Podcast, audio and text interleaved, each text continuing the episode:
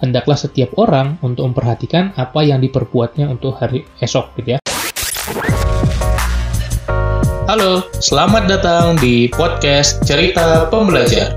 Kamu akan mendengarkan cerita mengenai pengalaman, gagasan, dan pembelajaran.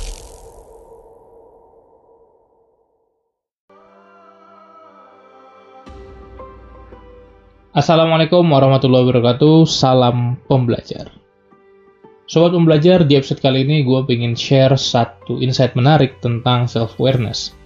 Self-awareness atau mengenali diri itu adalah kunci dari self-development atau pengembangan diri. Kenapa gue bilang itu sebagai kunci? Karena kalau kita sudah mengenali diri kita, mengenali kepribadian kita, kelebihan kekurangan kita, potensi diri kita, dan style kita dalam mengembangkan diri, kita lebih enak untuk upgrade dirinya Apakah bisa kita mengembangkan diri tanpa mengenal diri? Sebenarnya bisa aja, cuma banyak sekali potensi-potensi yang kita lewatkan. Kalau kita mengembangkan diri kita sesuai dengan potensi dalam diri kita, sesuai dengan natural talent kita, dengan mengenal diri kita, maka itu akan lebih berdampak hasilnya. Dan self-awareness gitu ya, kita mulai dari mengenali diri dulu, baru kemudian diteruskan dengan mengevaluasi diri. Kenapa? Karena mengenal diri itu bukan proses satu malam, bukan proses sekali jadi, tapi itu adalah sebuah journey, sebuah perjalanan. Sekarang gue mengenal diri gue, besok gue juga lakukan, minggu depan gue juga lakukan, tahun depan juga gue lakukan. Artinya bukan berarti tidak kenal dengan kenal. Bukan hanya dua opsi saja, bukan hanya nol atau satu, tapi ada spektrumnya, ada sangat tidak mengenali, ada mengenali diri, ada juga di antaranya, ya sedikit mengenali, agak-agak mengenali diri, mengenal diri hingga sangat mengenal diri. Dan bahkan tidak ada finishnya karena kita terus mendiscover hal baru dalam hidup kita. Jadi mengenal diri itu adalah sebuah proses. Sehingga kita perlu mulai dari mengenali diri dan dilanjutkan terus untuk mengevaluasi diri. Karena setiap checkpoint-checkpoint, milestone-milestone dalam hidup kita, itu ada step-stepnya, ada progresnya. Dan di setiap step-step itu, progres-progres itu, kita harus bisa mengevaluasi diri. Kan ada juga di Al-Hasyr ayat 18 tuh, hendaklah setiap orang untuk memperhatikan apa yang diperbuatnya untuk hari esok gitu ya. Wal tanzur nafsum maqaddamas ligot. Wal tanzur kan dari kata nazoro ya, melihat, memperhatikan gitu ya. Wal tanzur maka kita memperhatikan apa yang kita sudah lakukan kemarin.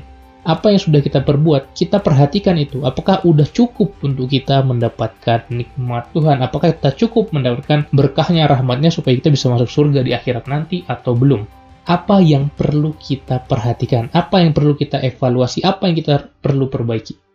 Pertanyaannya adalah bagaimana tekniknya, bagaimana caranya. Caranya adalah dengan melakukan self evaluation, ya, evaluasi diri. Dan salah satu role model gue yang gokil banget nih kalimatnya dari Umar bin Khattab radhiyallahu anhu, hasibu anfusakum qabla an tuhasabu. Jadi kita coba Hasibu itu kan berarti menghisap gitu ya, mengevaluasi diri kita dulu sebelum kita nanti dievaluasi. Hisaplah dirimu dahulu sebelum nanti kamu dihisap di hari akhir. Jadi kita evaluasi diri dulu, self evaluation gitu ya. Kalau di perusahaan biasanya ada yang namanya performance monitoring atau performance measurement gitu ya. Jadi ketika kita sudah selesai satu bulan atau satu quarter, diukur performa kita, KPI dan OKR kita, apakah mencapai target atau enggak. Apakah sesuai dengan metrik yang diharapkan atau enggak underachieve atau bahkan overachieve. Itu yang akan diukur. Nah, sebelum kita melakukan performance monitoring, biasanya kita lebih enak coba kita lihat dulu sendiri KPI dan OKR kita. Apakah kita bisa mencapainya atau enggak? Apakah kita mungkin untuk mencapai target di deadline-nya ketika satu quarter nanti kan biasanya kalau di pekerjaan atau perusahaan seperti itu. Maka ada yang namanya self monitoring nah sebenarnya ini adalah hal serupa gitu ya. Kenapa kita tidak memonitor juga hidup kita? Kenapa kita tidak melakukan self evaluation terhadap diri kita? Ya bisa dengan melakukan refleksi diri kita melihat lagi diri kita di masa lalu sampai masa sekarang apakah ada yang berbeda apakah ada yang berubah?